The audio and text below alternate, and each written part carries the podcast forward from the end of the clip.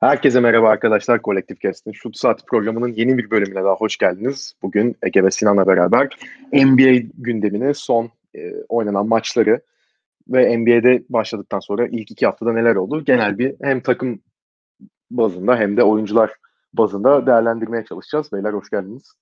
Hoş bulduk. Merhaba.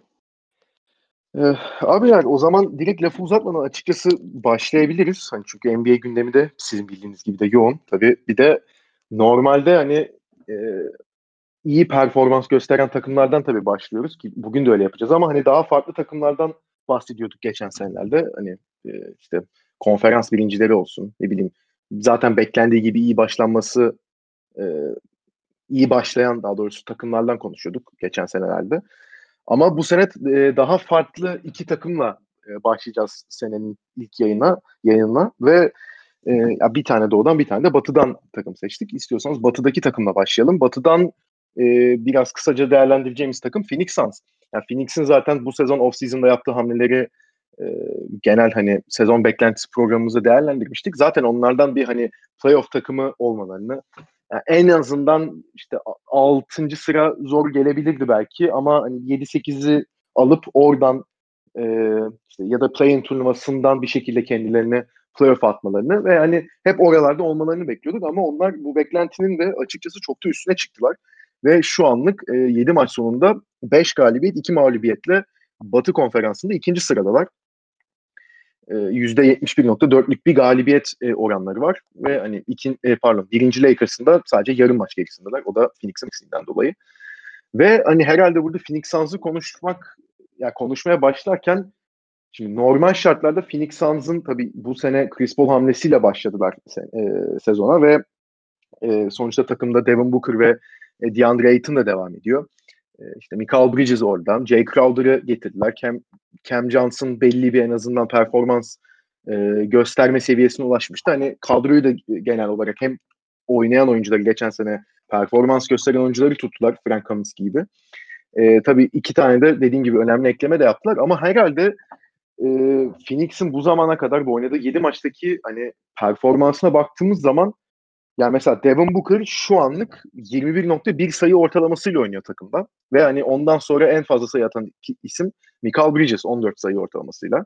Yani Chris Paul'un 8.3 asist e, ortalaması var maç başına ama hani mesela Devin Booker'dan bahsederken de Aiton'dan veya Chris Paul'dan da bahsederken de hani bu üçünün de tek başına bir faktör olup maçları sürüklediğini veya e, maçın kritik anlarında tek başlarına ağırlık koyup maç aldıklarını söylemek çok zor. Yani genel olarak hani tabii ki bu oyuncular da kötü oynuyor anlamında demiyorum ama takımın kalanından da açıkçası ekstra katkılar almaya başladılar ve herhalde Phoenix'in bu kadar yükselmesindeki en büyük etkenlerden bir tanesi bu. Mesela hani Cameron Payne NBA'de yeri var mı tartışmalarına dokulan bir oyuncu halindeyken bir anda maç başına neredeyse 19 dakika alan, işte 8.5 sayı atan, 2.5 rebound alan, 4 de asist yapan bir oyuncuya dönüşmüş durumunda. Yani Phoenix'e gerçekten işler iyi gidiyor. Ege sen de başlayalım istiyorsan. Hani sezon başı da zaten dediğim gibi konuşmuştuk. Phoenix'ten belli bir çıkış zaten bekleniyordu ama hani bu kadarı herhalde beklenmiyordu değil mi? Ya Phoenix benim gözümde upside potansiyeli yüksek ama biraz durumuna bakılıp öyle yorum yapılabilecek bir takımdı ve yani Phoenix'in şu ana kadar bu kadar iyi olması aslında çok büyük oranda Chris Paul'un oraya gelmesi ve o takımın düzenini ve çehresini değiştirmesiyle oldu bence. Onun harici Cam Johnson ve Michael Bridges gibi genç oyuncularının da yükselişi ve özellikle Cam Johnson'ın çok yüksek yüzdelerle oynaması onlara ekstra bir hücum gücü verdi. Tabii yani şimdi Phoenix'te sıkıntılar var mı? Var hala. Özellikle Aiton ve Chris Paul ikilisi çok ciddi bir uyum yakalayamadılar daha. Aynı şekilde CP3 ve Booker da çok iyi bir uyum yakalayamadılar aynı anda oynarken. Mesela bir istatistik gördüm. Phoenix e, CP3 ile Booker beraber oynarken bu şu anki 7 maçta eksilerde eksi 10 civarında bir şeyde. Ama Booker yedeklerle oynadığı zaman artı 60'ta falanlar. Yani o da ilginç. Çünkü orada işte Chris Paul Harden durumu gibi hani bir sen oyna bir ben oyna gibi şu an daha fazla. Ama onun da zamanla ben daha akıcı bir hale geleceğini düşünüyorum ve Aiton da hücuma birazcık daha entegre ederlerse Phoenix zaten dördüncü, beşinci olarak da girebilir playofflara. Yani benim şahsi fikrim play-in'e kalmadan bile girecekleri. Hani 5 veya 6. en kötü. Burada en önemli soru işareti Aiton'un beklenen gelişmeyi sağlaması. Çünkü ya garip bir oyun tarzı var DeAndre Ayton'un. O kadar uzun ve fiziği bu kadar güzel işler yapmaya müsaitken o sanki böyle beyaz Avrupalı bir uzun gibi oynuyor. Onun özellikle birazcık daha posta o gücünü o fini kullanarak bir şeyler yapması onların gelişiminde çok önemli olacaktır. Çünkü hani özellikle dinleyicilerimiz bir Phoenix Suns maçı açarlarsa görürler ki DeAndre Ayton ağırlıkla e, mid-range'den veya yakından fadeaway'ler atarak oynuyor. Ve sadece maç başına 3 tane free throw attempt'i var ki o vücutta o kalıpta bir adam için çok düşük bence bu. Her ne kadar hani şut yüzdesi bu sene de iyi olsa da onun bazı anlarda hakikaten pasif kaldığı görülebiliyor ve bu Phoenix için iyi bir şey değil. Onların Aiton'dan da bir 20 sayı 10 reboundluk en azından bir performans gelmesi, onlara öyle bir performans gelmesi lazım ki onlar ciddi bir tehdit olsun Batı'da Lakers'ı Clippers'ı zorlamak için. Ama hani bu işte Jay Crowder bir maçı oynuyor, bir maç kötü oynuyor. Onun klasik hali zaten. Hani diğer oyuncuların da böyle performanslarının peaklerine gelmediği bir halde 5-2 olmaları. Booker'da, CP3'de sayıları falan biraz düştü bu sene. Bence bu durumları bile çok iyi ve daha da iyileşeceklerdir onlar. Ben Phoenix'ten bayağı umutluyum bu sene. Ee, Sinan sen Suns'ın durumuyla ilgili ne düşünüyorsun?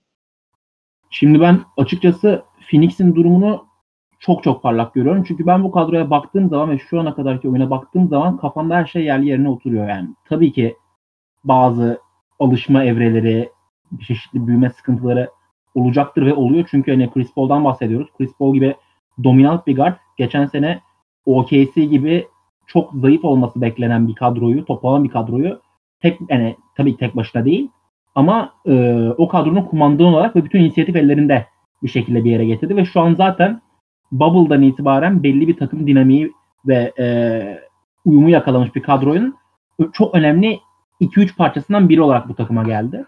Bu takımın şu an itibariyle yani çok olumlu şey, yaptığı şeyler var. Ve onun dışında hani kağıt üstünde bana ne kadar iyi gözüktüğünden biraz bahsetmek istiyorum. Çünkü iki tane hani çok elit oyun kurabilen guardları var. Ve e, hem hücum yönlendirme hem de hücumda izolasyon üzerinden kendi topunu yarat- yaratabilme yeteneğine sahip çok önemli iki guard var. Bunların yanında tam olarak NBA metasına uygun hem savunma yapabilen hem hücum edebilen 3 tane e, oyuncuları var. Kanat oyuncuları var. E, şuna bahsetmiş olduğu gibi Cam Johnson, Jay Crowder ve asıl Michael Bridges. Zaten e, koç Cam Johnson ve Jay Crowder'dan biraz bahsetti. Yani Michael Bridges beni bu kadronun asıl en büyüleyen parçalarından bir tanesi oldu. Ben size birkaç tane istatistik vermeye çalış e, vereceğim şimdi. Özellikle bu Michael Bridges'in sezonun başına itibaren ligin elit hücum silahlarına karşı göstermiş olduğu e, savunma performansları. Donovan Mitchell'la karşı karşıya kaldı. 30 hücumda 10 şut attırıyor. 3'ünü sokabiliyor Mitchell. Ingram'da 25 hücumda 4 tane attırıyor. 2 tane sokabiliyor Ingram. Doncic'e 24 tane hücumda 7 tane attırıp 4 tane. Teal'da 17 hücumda 3'te 0 ve Fox'a da 16 hücumda 5'te 1. Her yani gör, görebildiğiniz üzere e, saydığım oyuncular birden 3'e hatta yani opsiyonel olarak 4'e kadar oynayabilecek oyuncuları çok farklı varyasyonlarda ve farklı maçlarda çok farklı şekillerde ve hep aynı e, dominant sonuçla savunabilen bir oyuncudan bahsediyoruz. E, yaklaşık 3-4 gün öncesine kadar yani hala aynı mıdır bilmiyorum ama e, ligin en iyi 3. savunmasına sahiplerdi. Yine hala yukarıdadır zaten büyük ihtimalle. Ve yine aynı şekilde ligin iki takımından totalde e, bu üç saydığım e, kanat üçlüsü ligin iki takımından toplamda daha fazla üçlük atmıştı. Yani aslında NBA metasına ne kadar uygun bir kadro olduğundan bahsediyoruz. Ben de tabii e, sizler gibi DeAndre Ayton konusunda çeşitli endişeler yaşıyorum. Sezona cidden yavaş başladığını söyleyebilirim. Ama yani hücum konusunda tabii yani Chris Paul'la özellikle yakalayacak, yakalayacakları e, pick and roll e, uyumu çok önemli olacak. Ama özellikle geçen sene ne kadar iyi bir e, yardım savunucusu da savunmacısı da olabileceğine ilişkin sinyaller göstermişti DeAndre Ayton. O yüzden ben açıkçası en azından hani sezon boyunca ofa, e, hücumu çeşitli alanlarda istikrarsız gözükebilse bile şu an çok iyi bir savunma performans sergileyebileceğini düşünüyorum. Beni şaşırtan başka isimlerde bir tanesi de Dario Saric de e, sezonun başından itibaren hiç fena e, savunma yapmıyor. Yani takımın bir şekilde kurgusuna adapte olmuş gördüm ben onu. Yani açıkçası sezonun başında başlarken benim daha ziyade 8. 7. sıralardan playoff'a girebileceğini düşündüğüm bir takımdı. Ama şu an açıkçası de tabii ki sezonun başı için konuşmak biraz erken. Ama takımın kurgusu hele ki Aiton'un daha iyi olduğu versiyonda hani guardlar, e, kanatlar ve pivot pivota baktığımız zaman gerçekten NBA metasına NBA, özellikle playofflardan da bahsediyorum şu anda. Playoffların da metasına çok e, ciddi uyan bir takım olduğunu düşünüyorum. Olay ki Phoenix hani 6, 7, 8. sıralardan playoff'a girse bile ilk 3 sıra takımlar için cidden korkacakları ve kesinlikle eşleşmek istemeyecekleri bir kadro bence. Yani tabii hani sezona dediğimiz gibi zaten siz de güzel bir değerlendirme yaptınız. Hani çok iyi başladılar. Hani bir tek benim burada katıl yani katılmadım değil ama hani e, daha konuşmak için çok erken olduğunu düşün nokta. Ege'nin dediği hani işte Lakers'a Clippers'a bir tehdit oluşturma kısmı ya onun için biraz daha erken gibi geliyor. Yani sonuçta yani bunu futbol yayınlarında da veya yaptığımız Formula 1 yayınlarında da konuştuk. Hani olağanüstü bir sene geçiriyoruz ve hani NBA'de bundan nasibini alan organizasyonlardan bir tanesi sonuç olarak. Yani Bubble'ı çok iyi hallettiler evet ama çok kısa bir e, kamp dönemi, çok kısa bir sezon öncesi dönemi geçirdi oyuncular. Yani çok az dinlenebildiler. Tatil yapamadılar neredeyse. Ve hani ya, tabii bu e, playoff oynayanlar ve Bubble'a katılanlardan bahsediyorum burada ama hani zaten e, contender olarak gördüklerimizde zaten bu takımlar. Ve hani onların tabii yani takımlarındaki sakatlıklar işte yani Covid vakaları bunları da biraz tabii işin içine katmamız gerekiyor. Şu an hani çoğu takımda da bu Covid e, yüzünden hani hastalık çıkmasa bile temas yüzünden belli oyuncuların e, maçlara çıkamadığını görüyoruz. Hani tabii böyle bir durumda ya Phoenix şu an o açıdan şanslı gidiyor. E, ama hani diğer takımlar da işte ne bileyim hani Denver olsun, Portland olsun, Dallas özellikle Dallas mesela giremedi seneye. Hani onlar performanslarını daha yukarıya çekecek takımlar. Hani onlar daha yukarı çektiği zaman Phoenix oralarda kalabilir mi? Onun, o konu hakkında hala benim de soru işaretlerim var. Siz de zaten bahsettiniz hani Devin Booker, Chris Paul e, merkezinde özellikle ve tabii ki DeAndre Ayton'un e, hücumda savunmada daha çıkabileceği potansiyel hakkında. Ha, bir tek orada biraz soru işaretlerim var ama hani iyi bir harmoni yakalamış durumdalar ve onu tabii devam ettirmelerini görmek ben de isterim bu arada ne olursa olsun. iyi bir yapılanma sonuçta görüyoruz o da son bir, iki sene falan. Hani onun meyvesini bu sene almaları tabii ki şampiyonluk çok gerçekçi bir ihtimal değil ama en azından playoff'a direkt girmeleri, belki bir tur geçmeleri e, güzel de bir renk katar. Sonuçta köklü bir camiamız yani NBA kazanır e, Phoenix. Şimdi bu e, batı kısmından tabii Phoenix'i konuştuktan sonra e, bir tane de doğudan yani beklentinin üstüne çıkan diyemeyeceğim çünkü açıkçası e, bu takımdan e, bir şey beklenmiyor bu sene başında. New York Knicks. Yani Knicks'ten herhalde son iki senedir bahsederken iyi bir şey. Herhangi bir kişi söyledi mi? Valla çok emin değilim. Hani Porzingis'in takası hatta Porzingis'in takası öncesinde hani bir MVP seviyesinde oynadığı bir dönem vardı. Ondan sonra çok ağır sakatlık geçirdi. Çok uzun süre oynayamadı. O e, durumu idare edemediler. Üstüne işte yanlış koç tercihleri çok e, kötü kağıt üstünde gözüken bir yapılanma. En son 2019 yazında hani e, Kyrie'yi işte Kevin Durant'ı onları getireceğiz derken onları şehrin küçük takımı Brooklyn'e kaptırmaları hani gerçekten hiçbir şey iyi gitmiyordu Knicks için. Ve hani hakikaten iyi anlamda konuşabileceğimiz hiçbir şey de yoktu. Ta ki bu sezona, yani bu sezon başına kadar. Yani şimdilik ya tabii hani ne kadar iyi bir e, galibiyet yüzdesi olarak şey yapılır bilmiyorum ama hani yüzde 57'deler şu an. Yani 7 maçta 4 galibiyetleri var.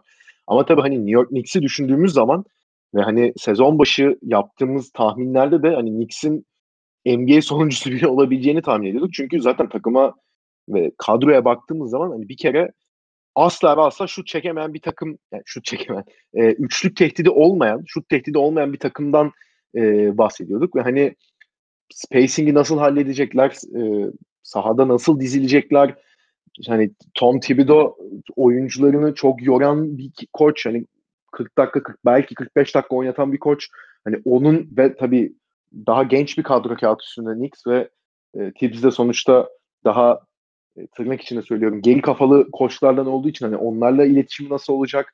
Oyuncuları ikna edebilecek mi? Hani onlarla sorun yaşayabilecek mi veya eğitebilecek mi? Hani bu tarz sorular çok vardı ama yani 7 maçta 4 galibiyetle başladı sonuçta Knicks. Yani tamam hani galibiyetlere baktığımızda işte e, Cleveland'ı yendiler, Indiana'yı yendiler. E, ama hani bir tane mesela Atlanta galibiyetleri var 113-108'lik. Son zaten hani bu hafta e, pazartesi oynadıkları 4 Ocak itibariyle. E, yani Milwaukee'yi yendiler 20 sayıyla e, Aralık sonunda 27 Aralık'ta. Hani bu maçlara baktığımız zaman da yani ilginç bir takım olmuş durumdalar ve daha da ilginci demin bahsettiğim tüm hani ögeler tabii göz önünde bulundurduğumuz zaman e, Knicks üçlük atabilen ve sahaya iyi yayılabilen bir takım halini almış durumda ve savunma açısından da gayet iyi iş çıkarıyorlar. Yani anomali bir durum mu var yoksa hani herkes çok kötü e, performans bekliyordu Knicks'ten hani biraz o kötü beklenti fazla mı abartıldı? Hani o konuda gerçekten hani üzerine konuşulabilecek şeyler var. Sinan istiyorsan bu sefer senden başlayalım. Abi hani Phoenix'i konuşurken demin hani bir playoff'a gireceğinden, yani girebileceklerinden bahsettik. Hani doğru e, kurguyla biraz daha devam ederlerse playoff'ta sıkıntı çıkarabilecek takımlardan olduğundan da bahsettiniz ve sonuçta baktığımız zaman hani Phoenix'in kadrosunda yani Chris Paul gibi çok acayip bir tecrübe var. Belki gelmiş geçmiş en iyi guardlardan bir tanesi. Devin Booker gibi çok rahat e, skor yükünü taşıyabilecek. Hatta ve hatta NBA'in skor şampiyonu, sayı kralı olabilecek bir oyuncu var. E, ne olursa olsun DeAndre Ayton var. E, yan parçalara bakıyorsun oradan iş yapabilecek kişiler var. E, hem tecrübeli hem de katkı açısından ama yani Knicks'e bakıyorsun yani kağıt üstünde en iyi oyuncusu e, yani NBA fantazi e, kralı Julius Randle ama o da çok iyi başladı sezona. Yani gerçekten çok ilginç bir kadro. O yüzden Sinan senin buradaki düşüncelerini merak ediyorum. Hani bu sürdürülebilir bir durum mu yoksa bir yerde tökezleyecekler mi? Şimdi bu takımın bazı şeyleri an itibariyle inanılmaz eksepsiyonel yaptığı son derece malumun ilanı. Şimdi Alfred Payton'a bakıyoruz. Alfred Payton %42.9'da üçlük atıyor. Sezon boyunca bunu sürdürecek mi? Kesinlikle hayır. Şimdi Alec Burks'a bakıyoruz. Alec Burks sezon başından itibaren hani 3 her ne kadar 3 maça çıkmış olsa da %66.7 ile üçlük atmış. Ee, en sonunda bir sakatlık geçirdi. Bunu sürdürebilecek mi? Sürdüremeyecek. Şimdi onun dışında R.J. Barrett var. R.J. Barrett so- sezona son derece iyi başladı. Biraz düşüş yakaladı. Biraz düşüş yakaladıktan sonra şu an tekrardan toparlandı ve gayet iyi olan istatistikler ortaya koyuyor. Fakat yine Tom Thibodeau'nun oyuncuları bazı alanlarda kısıtlayan bir sistem getirmiş olması bu takıma R.J. Barrett'ı çok fazla po- hücum pozisyonunda spot up shoot, shooter olarak kenarda beklenme, beklemesine neden oluyor. Ee, R.J. Barrett iyi bir şekilde üçlük atmaya devam edecek mi? Hayır. R.J. Barrett'ın zaten ana özelliği şut değil, daha ziyade all-around oyunu. Ama baktığımız zaman şu anda bu takım bulmuş olduğu üçlük isabetleri üzerinden yürüyen bir takım. Bu işin sürerli olmayacak kısmı. İşin bir de sürerli olacak kısmı var. Ee, yani en azından ben sürerli olacağına inanıyorum. Julius Randle. Çünkü ya ben uzun zamandır gerçekten oyununu bu kadar 180 derece çeviren bir adam görmedim. Yani en azından e, hatırlamıyorum diyeyim. Julius Randle geçen sene de hatırlarsanız zaten hani son derece o kadar atletik olmasa yine gayet atletik ve e, Zion Williamson'a benzeyen e, güçlü fiziğiyle beraber içeride bully ball oynayan, insanları itip kakan, e, dışarıdan e, hızlı bir şekilde e, potaya gitmeye çalışıp topu sürekli kaybeden, gözleri hani tunnel vision derler ya yani at gözlükleriyle hücuma bakan, sadece kendi bitirmeye çalışan, bunların çoğunda topu kaybeden bir adamdı. Ya bu adam zaten bazı pas iç, içgüdülerinin olduğunu biliyorduk bu adamın ama oyunu tamamen farklı oynama ve, ta, ve tamamen farklı okumaya e, başladığını görüyorum ben bu adamın. Yine bazı ben istatistikler vermek istiyorum. Yani 2019-2020 NBA sezonunda drive'larının %31.3'ünde pas veriyormuş Julius Randle. Şu anda 58.6'sında. Post-up'larda yine geçen sene 32.6 bu sene de 50 %54'ünde pas veriyor. Ve geçen sene %15.8 asist yüzdesiyle oynarken şu an 31.3 yapıyor bunu. Yani çok basitçe şey anlayabiliyoruz. Bu adam artık etrafını görmeye başlamış bir şekilde. Julius Randle geçen seneye göre benim gördüğüm kadarıyla gerçekten incelmiş ama gücünü koruyor. Ve bu güç artı hız kombinasyonu NBA'de nadir gördüğümüz şeylerden bir tanesi. İçeri çok rahat drive veriyor, drive ediyor. Artık pas kanallarını bir şekilde görebiliyor. Ve hem hızlı hem güçlü bir şekilde potaya gittiği zaman ve gel, ve köşeleri de e, yayda bekleyen şutörleri de bir şekilde gördüğü zaman ve oralara pas dağıtabildiği zaman zaten hemen hemen LeBron James kadar tabii ki olmasa da LeBron vari bir oyun sergilediğini onu görebiliyor. Transition'da zaten inanılmaz dediğim gibi hem e, hücumu pardon, hem fiziği hem de hızı sayesinde oralardan da kendisi de sayı bulabiliyor. Ama artık onun asıl alameti farikası olan içerideki baskınlığı dışarıya yansımış durumda. Ve zaten böyle bir güçle içeride oynayan bir adama sürekli ikili sıkıştırmalar geldiği için içeride çok rahat şutörleri de bulabiliyor. Ve Tom Thibodeau olarak New York Knicks içinde sadece bu sistem üzerinden bile bir hücum e, alternatifleri bir sürü geliştirebiliyorsunuz. Baktığımız zaman yani yine tekrar edeceğim. Sürelli ol, olmayacağına emin olduğumuz şeyler var. Bir de sürelli olacağına emin olmadığımız bir şey var. Julius Randle gerçeği. Şutörlerin performansı e, illaki düşecektir. New York Knicks kanatları ve guardlarının. Ama Julius Randle gerçekten bazı şeyler vardır, oyuncular vardır. Hani sizler de illa takip ederseniz sezonun başında bakarsanız ve direkt hani oynadığı oyun tarzından şeyi anlayabilirsiniz hani. Bir, bu adam şu an gerçekten formu iyi ve o yüzden böyle oynuyor. İki, bu adam yazın bir şeyler denemiş ve bir şeyler değiştirmiş. Bir şeyleri farklı yapıyor şu an. Ben Julius Randle'da bunu görüyorum. Ve Julius Randle bu oyuncu profilinde oynamaya devam ederse New York Knicks'in üzerinden oynayabileceği çok ciddi bir hücum planı var artık bence. Ege istiyorsan buradan senden de ufak bir değerlendirme alalım. Hani Sinan Julius Randle özelinde çok tabii değerlendirir Knicks'in ki haklı da hani gerçekten takımın şu an merkezindeki isim. Ve hani bir de tabii hani şutörlerin performansından bahsetti. Ya burada hani ben de açıkçası Sinan'a katılıyorum. Pek gerçekçi bir e, yüzdeyle atmıyor şu an. Hani ben zannetmiyorum ki bir sene içerisinde işte ne bileyim Alfred Payton olsun, R.J. Barrett olsun bir anda e, şutör guardlara dönüşsün. Hani o da pek sürdürülebilir gibi gözükmüyor bana. Hani sen genel olarak ne diyeceksin Knicks hakkında? Yani şimdi Randall işte 22-11, 7.4 ve %41 üçlük atıyor işte. Yani %41'i tutması biraz zor olabilir. Ama burada hani özellikle Knicks'in bu kadar iyi olmasının bir sebebi biraz da onların şansına e, göre oldu. Çünkü onlar hücumlarıyla değil savunmalarıyla kazandılar. Ve e, rakip takımlar Knicks'e karşı sadece %29 düşük atmış şu maçlarda. Ve bu hani ligin en iyi en iyi rakamı. Yani biraz normalleşme başladığı zaman o maçlar arttıkça herhalde birkaç tane iyi üçlük atılan e, performansına denk gelirler ve normalleşme olduğu zaman Knicks'in defansı düşecektir. Bu yüzden de kaybetmeye başlayacaklardır. Yani geçen seneki kadar kötü olmayacakları belli. Çünkü en azından eli yüzü düzgün denebilecek bir koçları var. Birkaç tane iyi ve Sinan da dediği gibi birazcık Randall geliştirmiş kendini. Öyle duruyor. Ama tabii 7.5 asiste 5 top kaybı çok iyi değil. O hani onu da belirtmek lazım. Hani o kadar çok toplu oynuyor ki çok top kaybına da sebep oluyor bu e, hareket ya yani bu tarzı. Ve Barrett da Barrett yani bir maç iyi bir maç kötü. Onun da gerçekten performansları çok değişken. Ama burada hani önemli olan Knicks'te en azından yavaş yavaş bir disiplin, bir düzen oluştu ve ben onların özellikle daha iyi guardlarla neler yapabileceğini çok merak ediyorum. Hani Peyton hayatının sezonunu geçirecek gibi oynuyor. Özellikle üçlüğünü çok geliştirmiş. Ve normalde hani geçen sene 15 üçlük falan atmış toplamda. Şimdiden 6-7 tane atmış. Yani gerçekten üçlüğü entegre etmiş gibi gözüküyor. Yani bunların devamlılığı nasıl olur? O yüksek yüzdelere ne olur? Muhtemelen düşecektir. Knicks de düşecektir ve ben açıkçası onların hani bu play turnuvasına girmesini zor görüyorum. Zaten hani 6-1'de başlamadılar. Hani 4-3'ler. Biraz da hani fikstürden yana yani çok iyi performansları da oldu ona bir şey demeyeceğim ama özellikle batı takımlarıyla oynamaya başlayınca Knicks'in asıl durumu belli olacaktır. O yüzden hani ben çok aşırı umutlanmıyorum onlarla ilgili. Ama hani böyle 10-15 galibiyetlik bir takımda olmayacaklar. Yani her maç efor sarf edecekler ve bu daha dar rotasyon belki onları daha çok maç kazandırır diye düşünüyorum.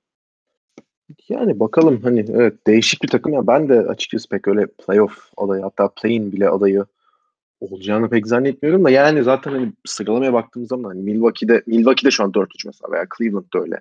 Atlanta'da öyle ki iyi başlayanlardan hani Brooklyn Nets işte Miami Heat onlar daha Toronto özellikle zaten or- oralara da birazdan geleceğiz oyuncu bazında da hani e, kötü hakikaten kötü performans gösteren ve hiç burada olmasını beklemediğimiz takımlar var ama hani 72 maçlık bir sezon ve daha sadece 7-8 maç oynadı takımlar. Yani onu düşündüğümüz zaman da hani Knicks'in de sonuçta demin de zaten e, galibiyetleri sayarken hani çok üst düzey galibiyetlerden bahsetmeye pek kolay değil ama ne olursa olsun kağıt üstünde kaybedecekleri maçları da e, kazanabilecek durumda olduklarını gösterler Milwaukee galibiyeti olsun.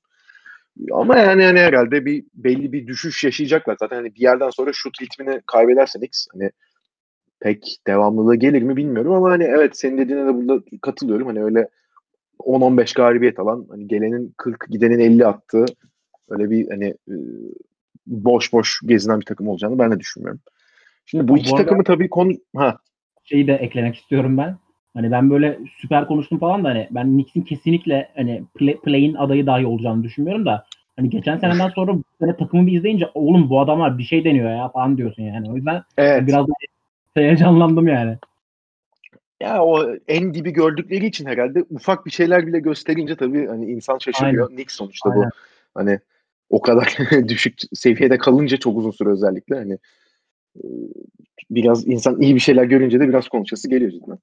Şimdi e, bir tane doğudan bir tane de batıdan bu seneye iyi giren e, iki takımı konuştuk. Biraz da tabii hani e, yayının başında dedim hani oyuncular özelinde de konuşmak istiyoruz. Hani o yüzden e, üçümüz de ikişer iyi, ikişer kötü performans gösterdiğini düşündüğümüz oyuncuları seçtik. Önce istiyorsanız e, yani sıra sıra hani zaten oyunculardan bahsederiz. Hani istiyorsanız beyler önce iyilerle başlayalım. Hani e, malum iyi takımlarla açtık yayını. İyi oyuncu yani iyi performans gösterdiğini düşündüğümüz oyuncularla da devam edelim. Şimdi burada hani ben ikili e, yani bu iki iyi performans gösterdiğini düşündüğüm, düşündüğüm oyuncu kısmında Jokic ve e, Curry'i seçtim. Hani zaten pek öyle e, hani nasıl diyeyim e, über zeki seçimler değil yani zaten çok belli seçimler ama hani iki oyuncuyu da biraz e, farklı şekilde değerlendirmek gerektiğini düşünüyorum ben. Yani takımlarının durumu dolayısıyla da ve e, kendilerinin de sonuçta belli bir seviyede olması durumunda da. Yani öncelikle Curry'den başlamak istiyorum. Hani Golden State zaten bu sezona hani biraz daha en azından e, işte o 2015'te 2016'da hani hem şampiyon olmuş hem de e, NBA rekorunu kırmış. Yani bir sezondaki en fazla galibiyet e, rekorunu kırmış takımın merkezindeki üçlüyle girecekti. Hani Curry çok uzun bir sakatlıktan dönüyordu. E, bununla beraber zaten e, Clay Thompson da 2019 finallerinden beri sakattı. O da sakatlıktan dönecekti.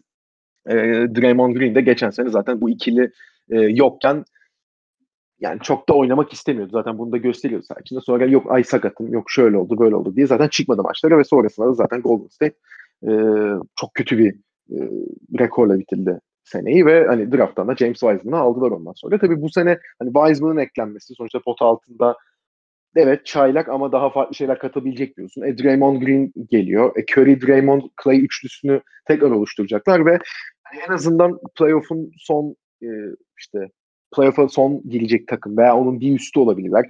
Biraz kötü giderlerse play-in'den girerler playoff'a diye düşünülen bir takımdı. Yani ben biraz ona da zaten kuşkulu yaklaşıyordum ama hani Clay Thompson sakatlığından sonra zaten iyice artık e, yani bu takımdan ne olacak acaba noktasına geldi e, konu ki ben de hani zaten sene başında e, bir 2-3 maçını izleme e, şansı yakaladım. İlk işte sezonun ilk maçında Brooklyn Nets'le oynadılar ve 26 sayı fark yediler. Yani ve yani o maç evet, Kyrie de Kevin Durant de çok iyi oynadı ama hani Golden State'ten pek bir şey göremedik.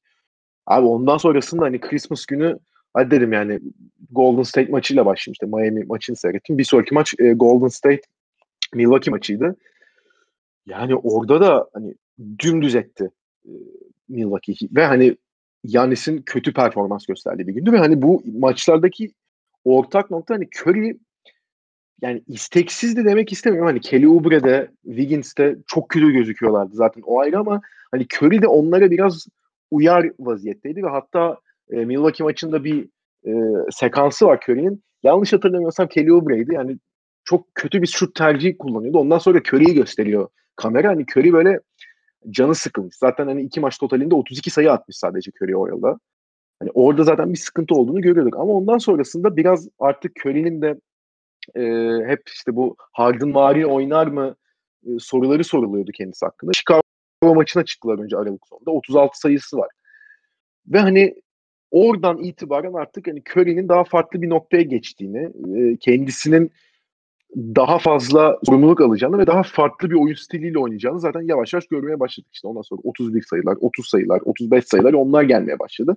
Bir Portland'da kaybettiler e, 25 sayıda. Ondan sonrasında ama zaten arka arkaya yani 3 gün içinde iki maç oynadılar e, Portland'da. İlkini kaybetmişlerdi. İkincisinde yalnız 137-122 kazandı Portland ama yani Curry 62 sayı attı ve hani öyle bir 62 sayı attı ki yani ben o maçın tamamını seyredemedim e, özetlerine adam akıllı bakabildim. Sonra hani geniş bir şekilde hani Curry'i izleyeyim dedim. Ya bir kere 16'da 8'de %53'lük zaten hani kağıt üstünde çok acayip gözüken bir sayı da abi bunun yanında da 15'te 10 e, ikilik isabeti bulmuş ve zaten hani en farklı kılabileceğini herhalde belirtebileceğim nokta Curry'nin hani içeriye daha fazla girmeye çalışıyor.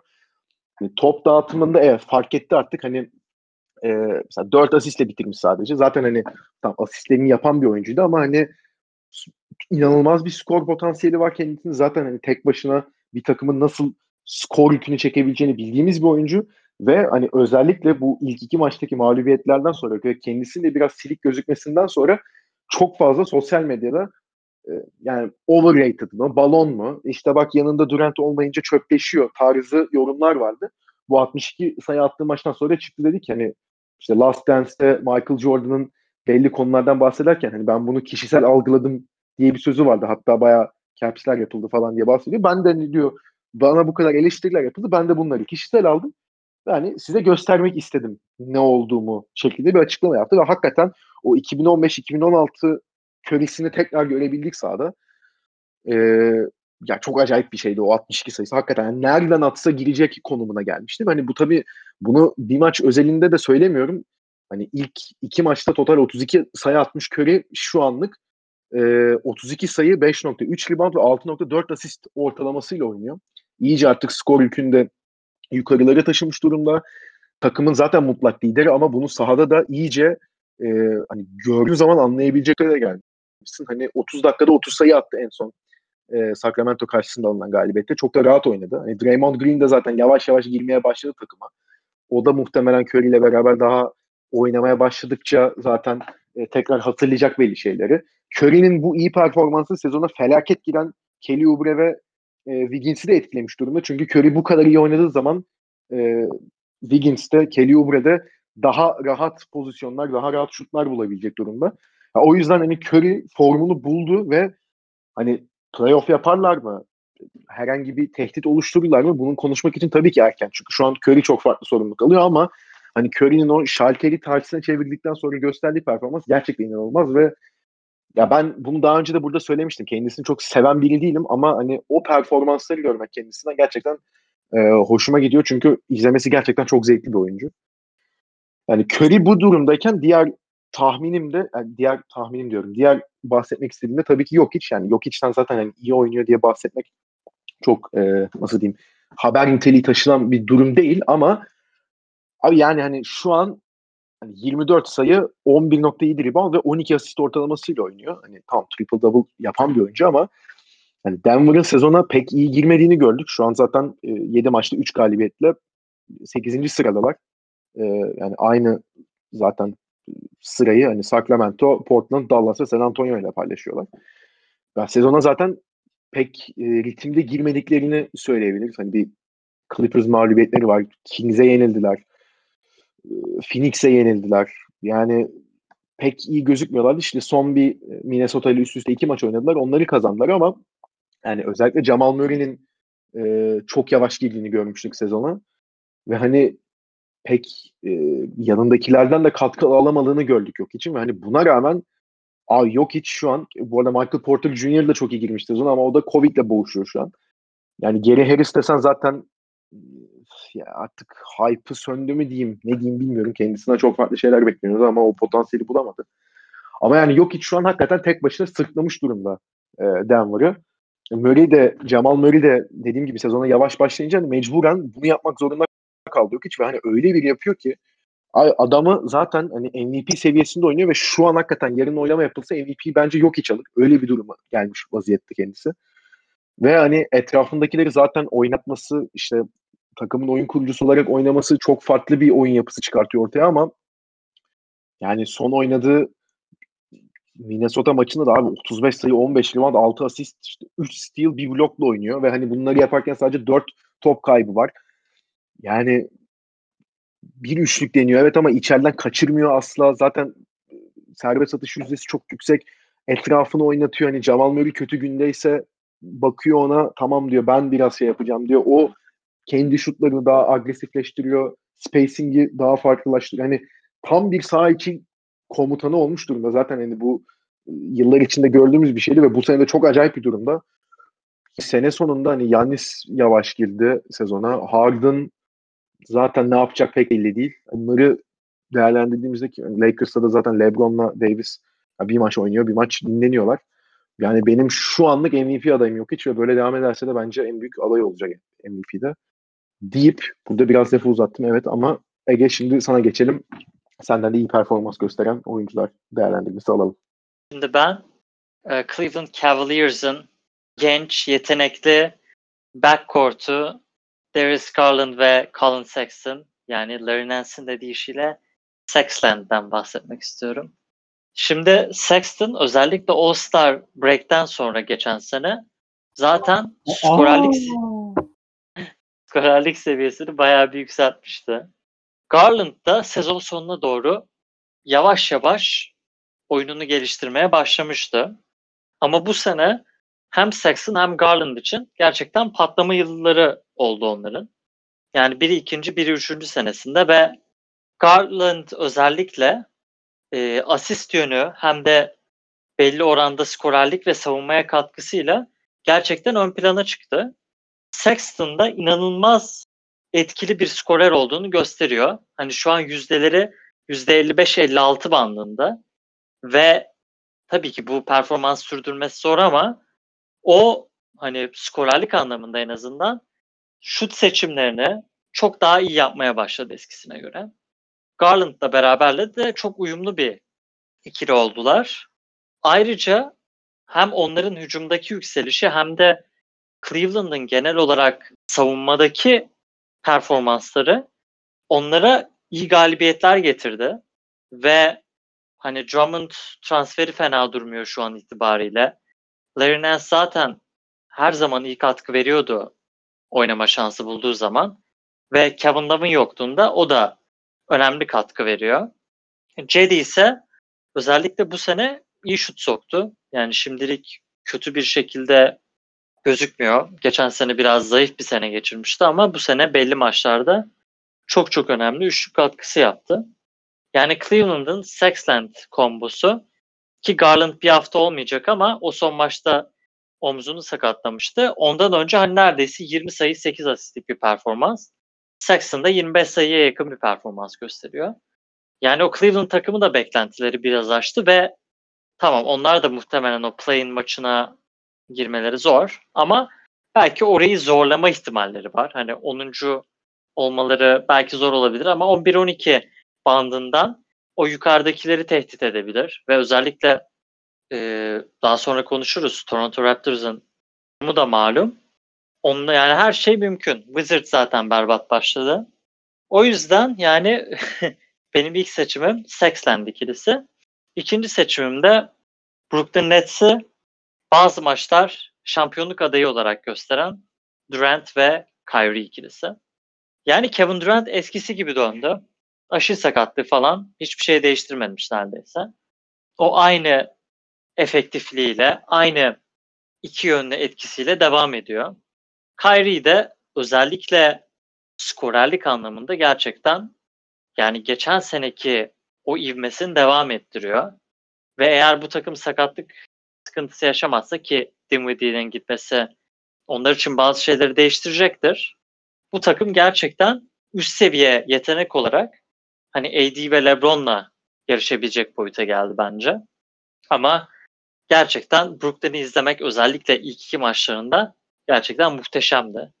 Yani Kyrie ile Durant gerçekten bir resital ortaya koydular ve biz yani bu Brooklyn takımının ne olacağını çok düşünmüştük. Hakikaten hani iyi olacaklar mı, beklentileri karşılayacaklar mı yoksa orta bir playoff takım mı olacaklar diye. Özellikle bu Durant'in durumuna çok bağlıydı. Ama Durant eskisi gibi gözüküyor ve onlar da bence ciddi bir contender durumuna geldi. Hani Dinwiddie olsun olmasın. İşte benim iyi gördüğüm oyuncular şimdilik böyle. Sinancım senin bu seneyle ilgili e, beklediğinden iyi oynayan oyuncular kimlerdir? Öncelikle ben iyi oyuncularından ilki olan mübarek isim Christian Wood'dan biraz bahsetmek istiyorum.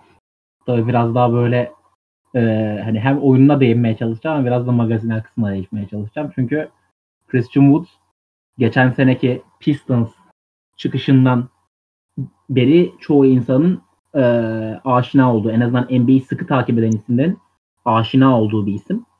E, ama bir yandan bakınca da normal bir şekilde NBA'yi takip eden biri geçen sene ki sezonu biraz kaçırdıysa ve şu anki Houston'a bakıyorsa bu adam nereden çıktı şeklinde bir yorum yapabilir. Çünkü bu kadar sert çıkışlar ya da en azından Wood'un kalitesi zaten geçen sene böyleydi ama bir anda hiç tanımadığınız biri karşınıza süperstar seviyesinde çıkınca e, bazen şey yapıyorsunuz. E, şaşırabiliyorsunuz tabi. Christian Wood bu konuda e, özel isimlerden bir tanesi. Çok da özel bir hikayesi var kendisinin. Aslında Christian Wood NBA draftında e, hazırlandığı dönemde kendisi undrafted gitti. Ona da şimdi değineceğim. İlk turun sonları ila ikinci turun başları arasında seçilmesi beklenen bir oyuncuyken çok düşük e, çalışma etiği ve işte bütün bu takım e, ortak antrenmanlarına gitmemesi vesaire istikrarsızlığı, e, oyunu ciddiye almaması gibi sebeplerden draftın sonlarına doğru e, bir tane Twitter'a fotoğrafı düşüyor. Yani bir tane fotoğrafı çekiliyor. Şu ara Twitter'da geziyor. E, Christian Wood ellerine başını almış artık draft edilmeyeceğini anlıyor. Ve daha sonra annesini arıyor. E, anne bir e, facia, bir fail, e, failure nasıl denir? Bir başarısızlık örneği olduğum için özür dilerim şeklinde. O gün draftı falan kutluyorlar normalde ailesiyle beraber. Sevgilisi de o gün biraz erken geliyor sürpriz yapmak için. Geldiği zaman tabii e, beraber izliyorlar, ediyorlar falan. Bu draft edilmiyor. Daha sonra akşam sevgilisini gitmek istiyor, havaalanına bırakıyor ve bir daha görüşmüyorlar kendisiyle beraber. Derken Wood'un NBA macerası ufaktan başlamaya başlıyor. Kardeşim Totalde... gözlerimizde oldu bu nedir ya?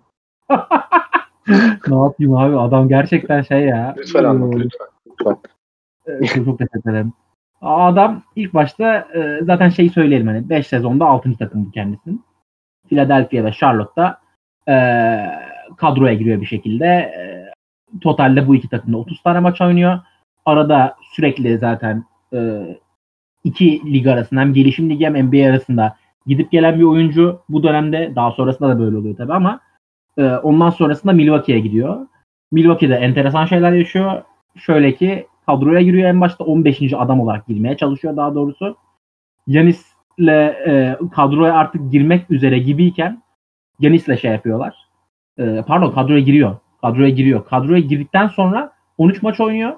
E, rotasyon içerisindeyken hatta bir antrenman sırasında Yanis kendisine şey diyor. Abi sen hani bu seviyede oynamaya hazır mısın diyor.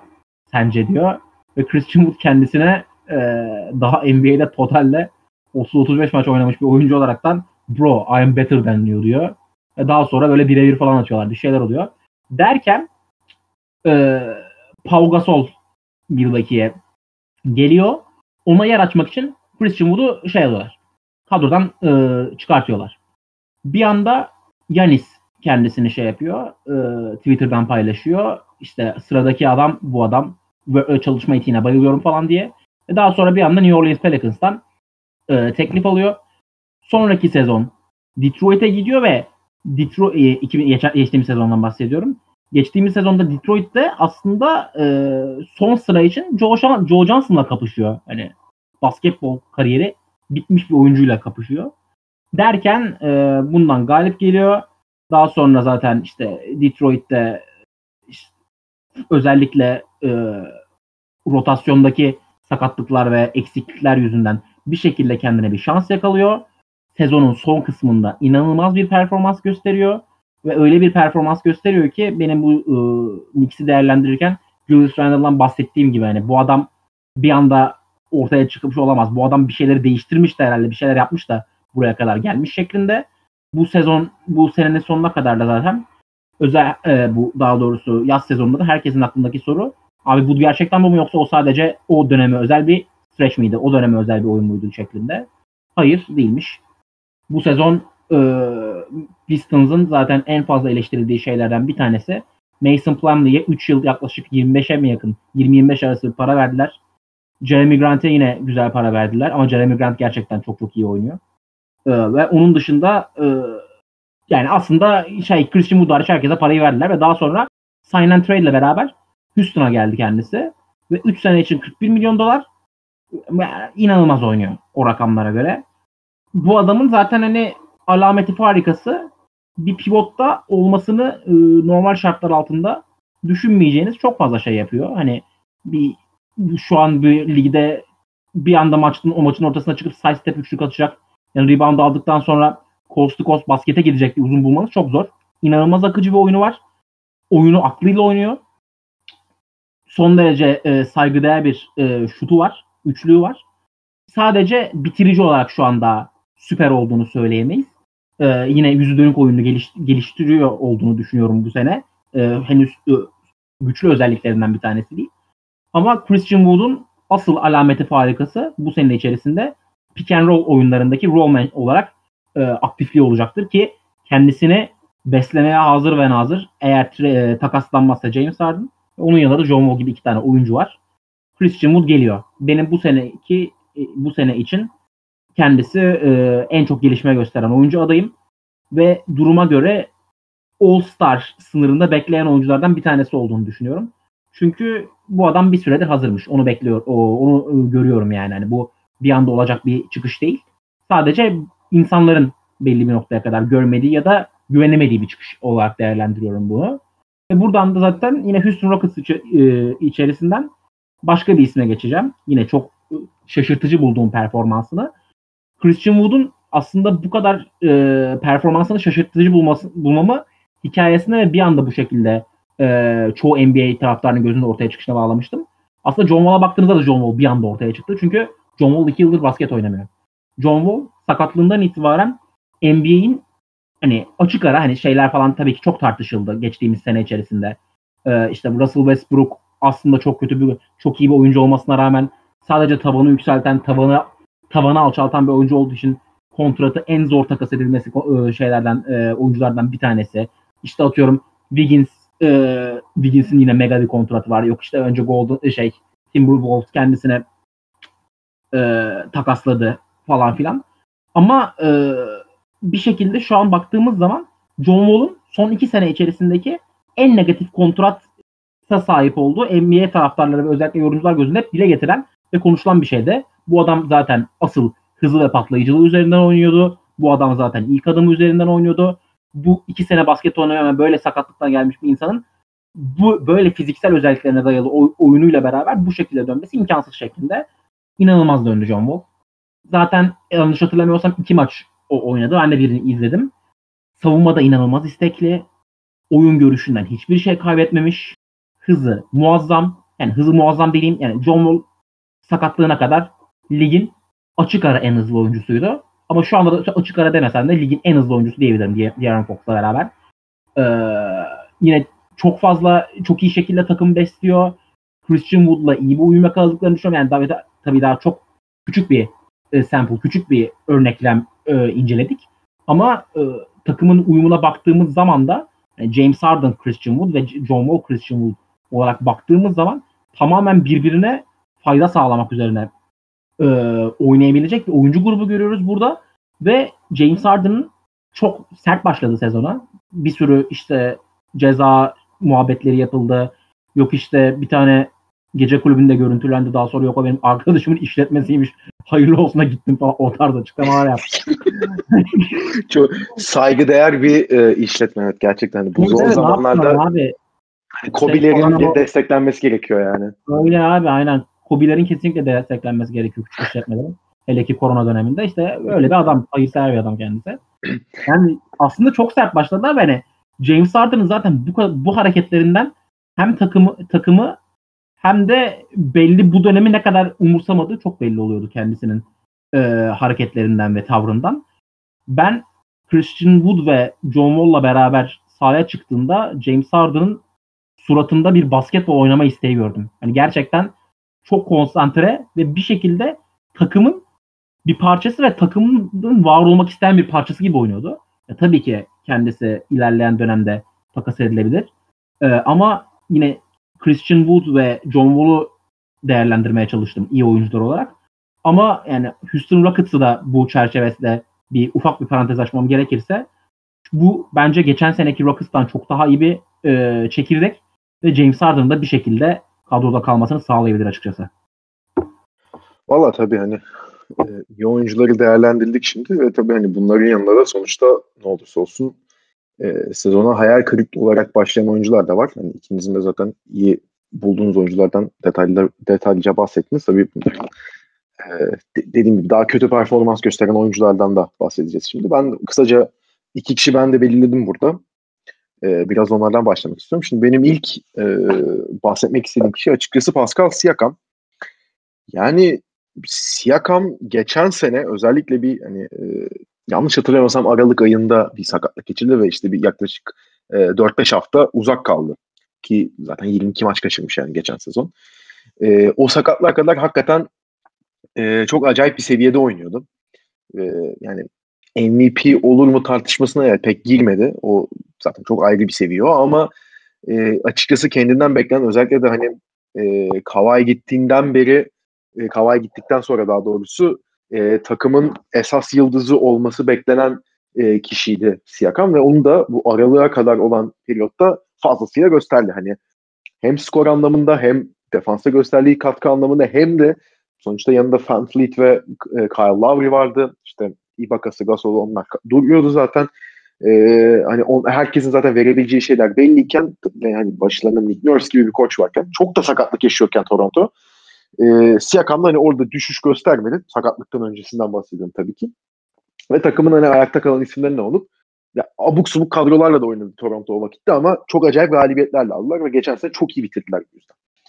E, Siakam'ın da tabii hani burada Nick Nurse'un planı da tabii ki e, çok ön plandaydı ama hani Siakam'ın da sezonun belli kısmında özellikle ilk yarısında gösterdiği performans çok önemliydi burada. Ama hani Bubble'dan itibaren özellikle kendisinde hani bir yani özgüven eksikliği demek tam istemiyorum ama hani attığı şutlarda veya hücumda e, aldığı sorumluluklarda yani bir e, sıkıntı olduğunu zaten görebiliyoruz. Ki hani bu sene de şu ana kadar 5 maça çıktı sadece. Hani bir maçta atıldı ve hani ondan sonrasında e, hani maçtan çıktıktan sonra belli protokollere uymadığı için bir sonraki maçta e, hani bir, çünkü hafif sakatlığı da vardı. İşte haberler çıkmaya başlamıştı zaten. Hani Siakam hani bu maç için hani questionable şeklinde. Maçtan ama yaklaşık bir, bir saat, bir buçuk saat öncesinde mi Siakam oynayabilecek duruma geldi şeklinde haberler çıkmaya başladı.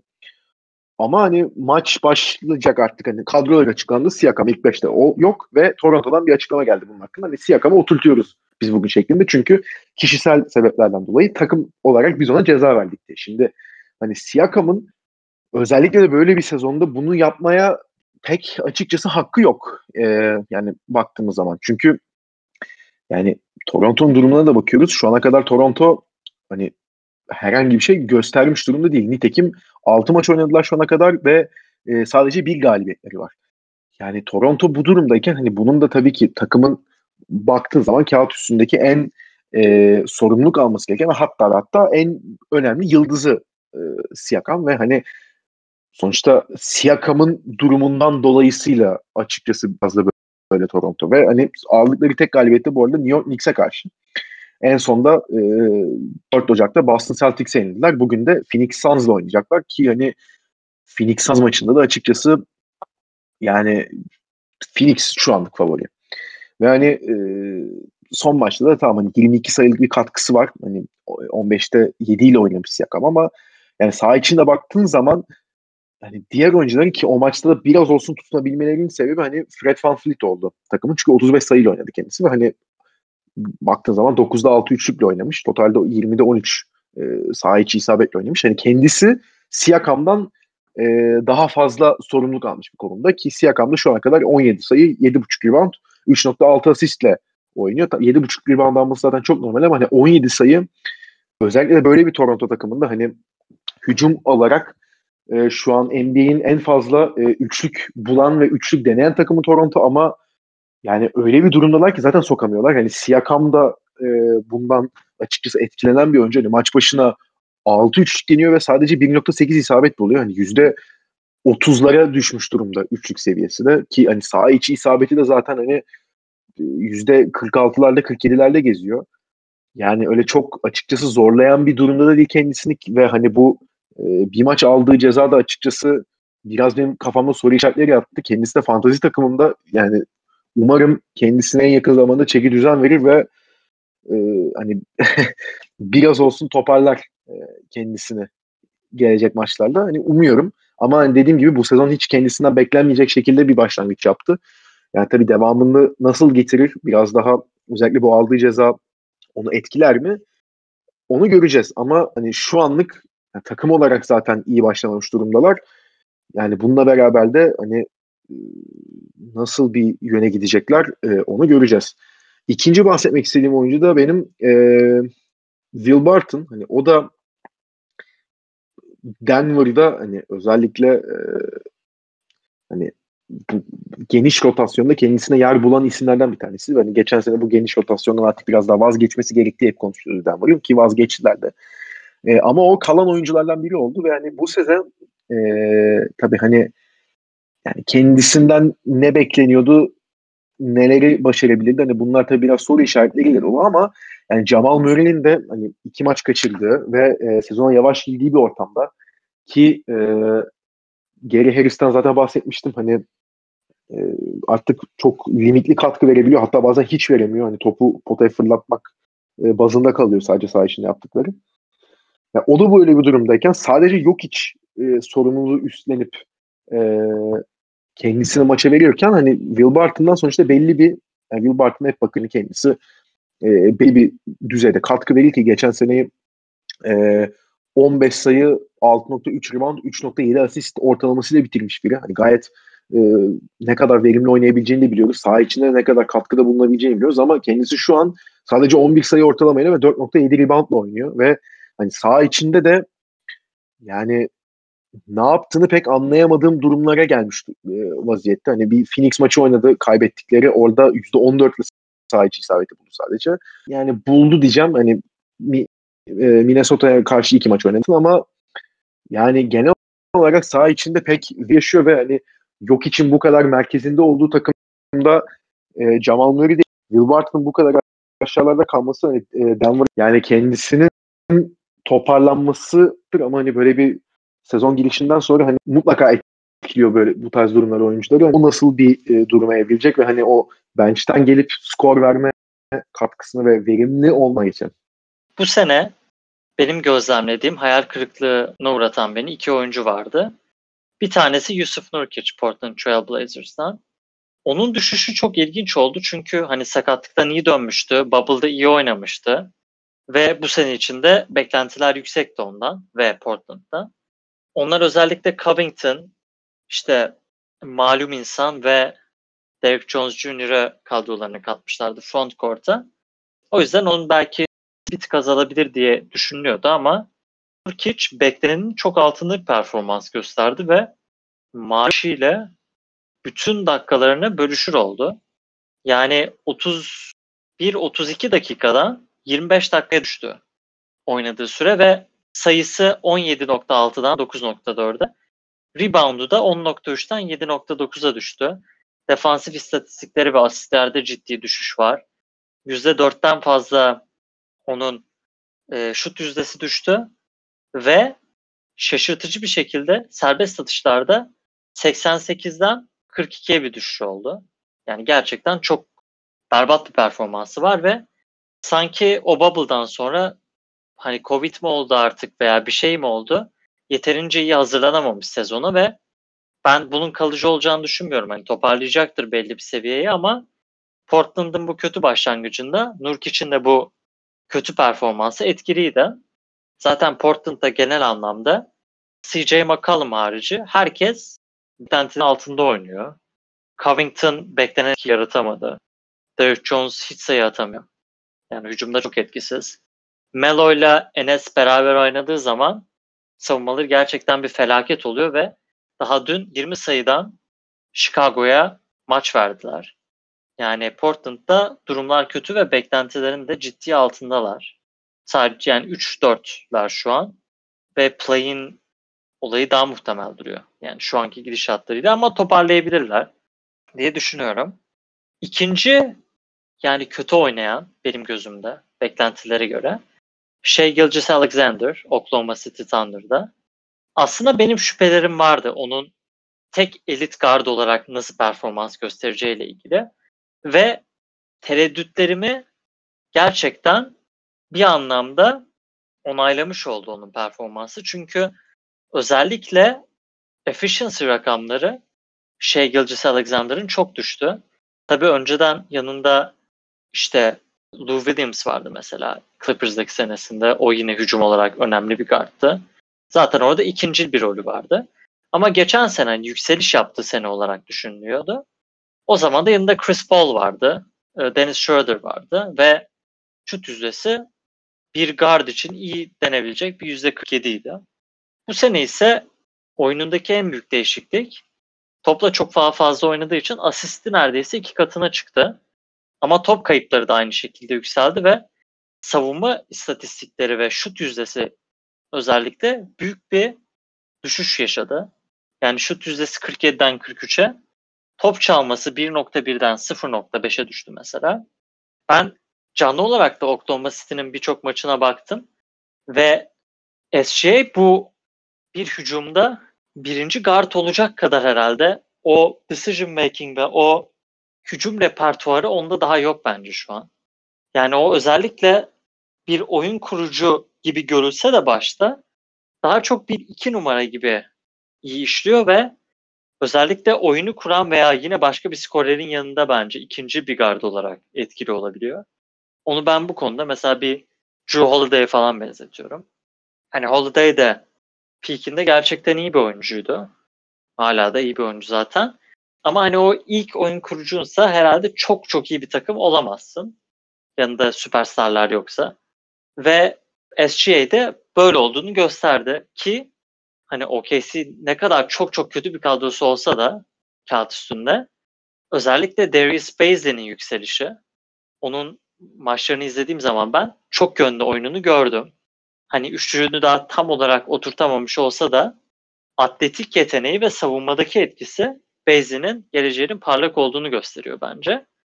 Lou Dort da geçen seneki playoff ve bubble performansıyla dikkat çekmişti.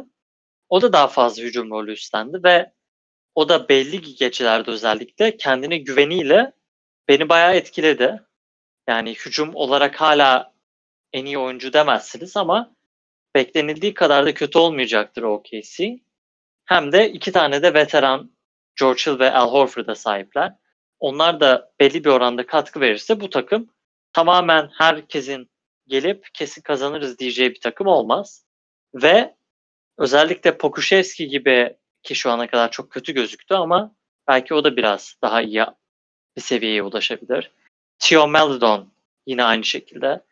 Ya onları da birazcık daha geliştirebilirlerse zaten gelecek 5-6 senede gelecek o draft hakları onların geleceğinin parlak olacağını gösterir.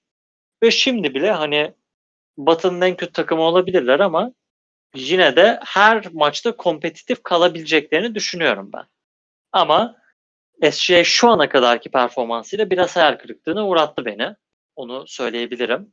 Sinan sen peki hangi oyuncuları şu ana kadar beğenmedin ya beklentilerinin altında kaldı? Onu bize açıklarsan süper olur.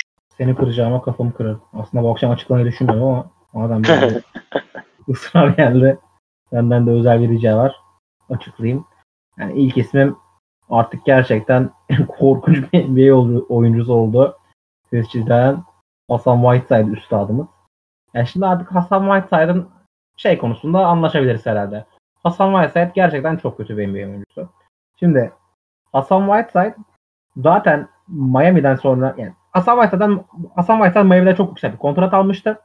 Blok statları yani bir şekilde kağıt üzerinde çok iyi gözükmesi sebebiyle o kontratına kadar aldığı kontrata kadar ve bunları da özellikle Miami'deki ilk sezonunda çok düşük dakikalarda yapıyor olması çok büyük ilgi toplamıştı. Abi bu adam mükemmel falan da bu adamı kendine bağladı.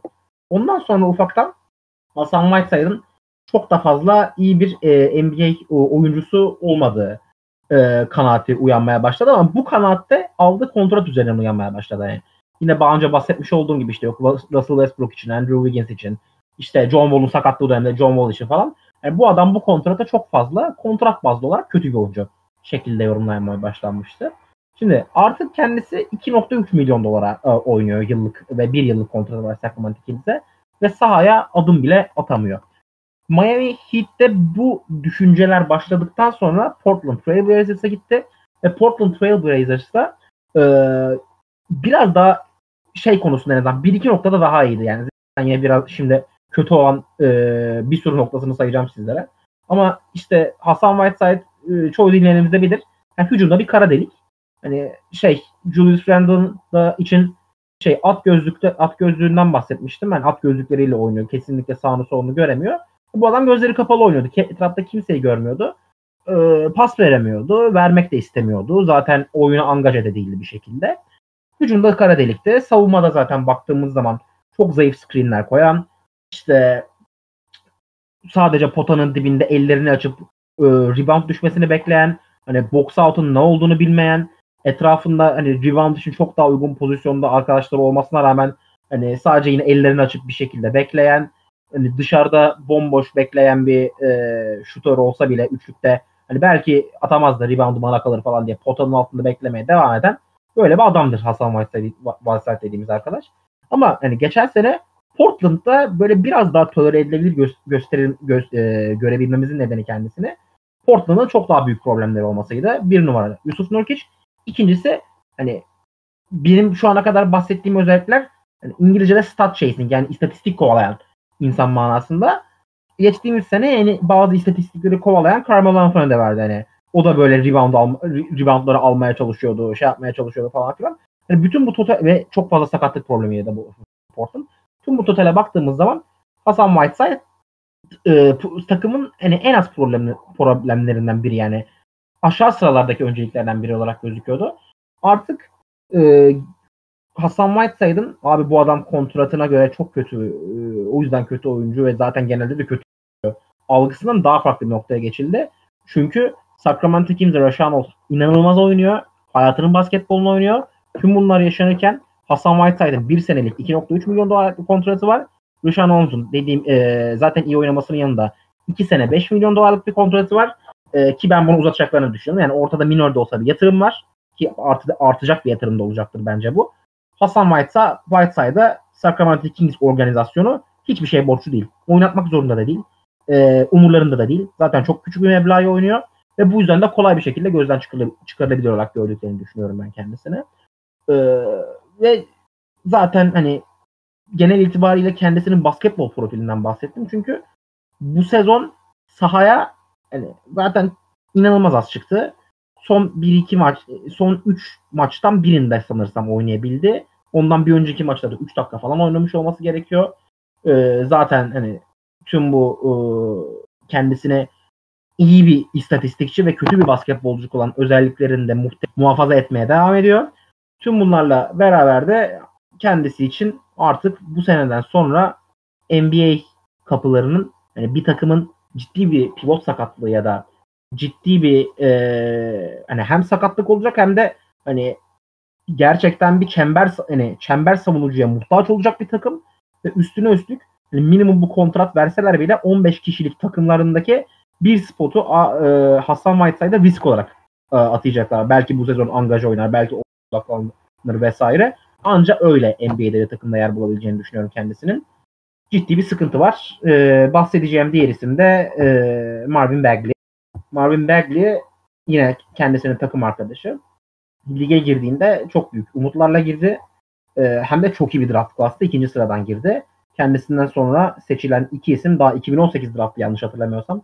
Draftın üstünden iki sene geçmiş olmasına rağmen kendisinden sonra seçilen iki isim Trae Young ve Luka Doncic All-Star oldu.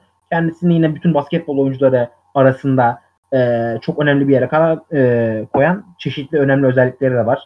E, bu şey yerden yaylanmadan direkt e, ayakları üzerinde e, sıçrayabilmesi ona hem hücum hem de rebound anlamında çok ciddi katkılar sağlıyor. Bu tarz e, kendine münasır özellikleri olan bir oyuncu ve e, bu tarz özelliklerine dayalı olarak da çok ciddi potansiyel sahibi olarak görülen bir oyuncu. Ve e, baktığımız zaman da tıpkı işte bu Carmelo Anthony'nin, LeBron James'in işte e, Dwayne Wade'in seçildiği kaç draftıydı? 2000 2003 LeBron, Melo falan. Değil mi? 4 Howard, 4 Howard. Doğru, doğru. Yani Emeka Okafor, Dwight Howard draftı o. 2013 2013 draftındaki isim, bak, e, tablo gibi baktığımız zaman 2018 tablosuna e, Marvin Bagley biraz daha Darko Milicic e, tarafında kalıyor işin. Yani tabii ki daha kendisinin 3. sezon ama istatistiklerine baktığımız zaman e, ben açıkçası hiçbir gelişim göremiyorum. E, geçen sene e, field goal oranı yani e, şut yüzdesi %47'ye yakın. Şu an %36. E, %26 26 ile üçlük atıyor. E, iki şut denemesiyle beraber. İşte aldığı sayı sayısı yine 3-4 sayı daha az aldığı süre aynı olmasına rağmen ve üstüne üstlük kullandığı şut sayısı da neredeyse geçen seneyle aynı olmasına rağmen bu istatistiklerden bahsediyoruz. Ee, biraz daha iyi rebound almış. Ee, korkunç şey atıyor. Yüzde yaklaşık 58 ki kendisinin standartı için kötü. Çünkü geçen sene kendisi e, on, hani her ne kadar ufak bir sample olsa da e, maç oynadığı maç sayısı bakımından %80'le falan şut atmış. Ama yani kendisinin e, kesinlikle e, draft pozisyonundaki beklentileri karşılayamadığı bir gerçek. Babası da zaten enteresan bir tweet atmış böyle oğlumun olur takaslayın e, sevgiler falan şeklinde böyle saçma sapan bir şey. Tweet bakalım kendisine ne olacak heyecanla bekliyoruz. Yani ne olacak dediğim kendisi aslında geçtiğimiz seneye kadar Buddy Hill ve De'Aaron Fox'la beraber e, bu yükselen özellikle De'Aaron Fox'un yükselişiyle beraber onu tamamlayacak ve e, Sacramento Kings'in uzun vadede çekirdeğini oluşturacak e, üç önemli oyuncudan bir, biri olarak görünüyordu. Ama ve lakin bu sene için e, yani tabii ki şeyi söyleyebilirim. Hatta bunu üçümüz için birden söyleyebilirim. E, sevgili e, Koç ve Aksu için de söyleyebilirim. Sadece, yani sadece sezonun daha çok başındayız. Bizim bu yapmış olduğumuz yorumlar aslında hani sezonun tamamı için kapsayıcı olmayabilir. Herkesin yaptığı yorumlar gibi. Ama şu anki duruma baktığımız zaman Marvin Bagley e, NBA'deki 3. sezonunda e, 2018 gibi kalabalık bir drafttaki pozisyonunu hak ediyor mu? Gerçekten bir tartışma konusu. Yani doğru katılıyorum ben de. Özellikle bu dediğin hani kötü performans özelinde. Hani bu arada iyi konuştuğumuz kişiler de hani yani belli olmaz. Bir sakatlık olur. Dediğimiz gibi hani e, yayının başına da söyledik hani Covid'le geçen bir sezon sonuçta hani ne olduğu belli değil. Hani aşı yapılmaya başladı ama hala karantinalar şunlar bunlar devam ediyor bu ve bu sezon böyle geçecek. Bir de Amerika karışmış durumda şu an tam biz bölümü çekerken. Zaten buradan Amerika'daki vatandaşlara da sağduyu çağrısında ek yani yatırım tavsiyesi verirsen Zor olun. Şimdi ama hakikaten işin şakası bir yana hani çok ilginç bir sezon geçiyor gerçekten. Bitcoin yükseliyormuş. E tabi. Yakında ekonomi haberleriyle de Ama yani şimdi hakikaten işin şakası bir yana hani e, bu oyuncuların hani iyi kötü performansları çok dalgalanı dalgalı olabilir. Hani hakikaten hiç e, yani belli oyuncular harici tabii ki mesela Kava ile Paul George hala bir maç oynuyor bir maç oynamıyor. Bugün de aynı şeyler konuşuluyor şu an. Mesela Yanis işte bir ara dedik zaten hani sezona beklendiği gibi başlamadı ama açılabilir tekrar sonuçta oyuncuların özellikle çok kısa bir yani playoff'ta da oynayan ve hani bubble ortamından gelen oyuncuların da çok kısa bir hazırlık dönemi geçirdiğini unutmamak gerekiyor. Hani herhalde e, bizim de hani sağlıklı teşhisler yapabildiğimiz dönem herhalde böyle Şubat başı işte Şubat'ın ortası itibariyle gelecek. Yani hakikaten takımlar işte yaklaşık 20 maç, 25 maç oynadıklarında yani sezonun üçte birlik kısmı geriye kaldığında en azından belli bir e, resim oluşacak önümüzde ve hani ona göre daha rahat e, tahminlerde bulunabileceğiz veya daha rahat e, sonuçlara varabileceğiz ama hani tabii şu an sezon tabii ki çok e, başı yani herkesin tabii beklediği şeyler pek çıkmıyor. Yani Luka Doncic'ten de çok farklı şeyler bekleniyordu ve Dallas'tan da. Onların da durumu şu an malum. Hani Luka zaten maşallah ayı gibi geldi yani. Hani seçtik fantazide draftta ama yani daha bir kilo verip kendine gelir umarız diye düşünüyorum. Hani Ocak sonu itibariyle yani bana da yazık etmesin kendisi. Bununla beraber de zaten uzun bir bölüm çektik ve bayağı bir konuyu da değerlendirebildiğimizi düşünüyorum. Beyler ağzınıza sağlık. Yorumlarınız için çok teşekkürler tekrardan. Biz teşekkür ederiz. Teşekkürü bir borç biliriz. o zaman bununla beraber yayınımızı da burada noktalıyoruz. Bizi dinlediğiniz için çok teşekkür ediyoruz ekibimiz olarak ve dinlemeye devam etmenizi de istiyoruz. Hoşçakalın. Hoşçakalın. Hoşça kalın.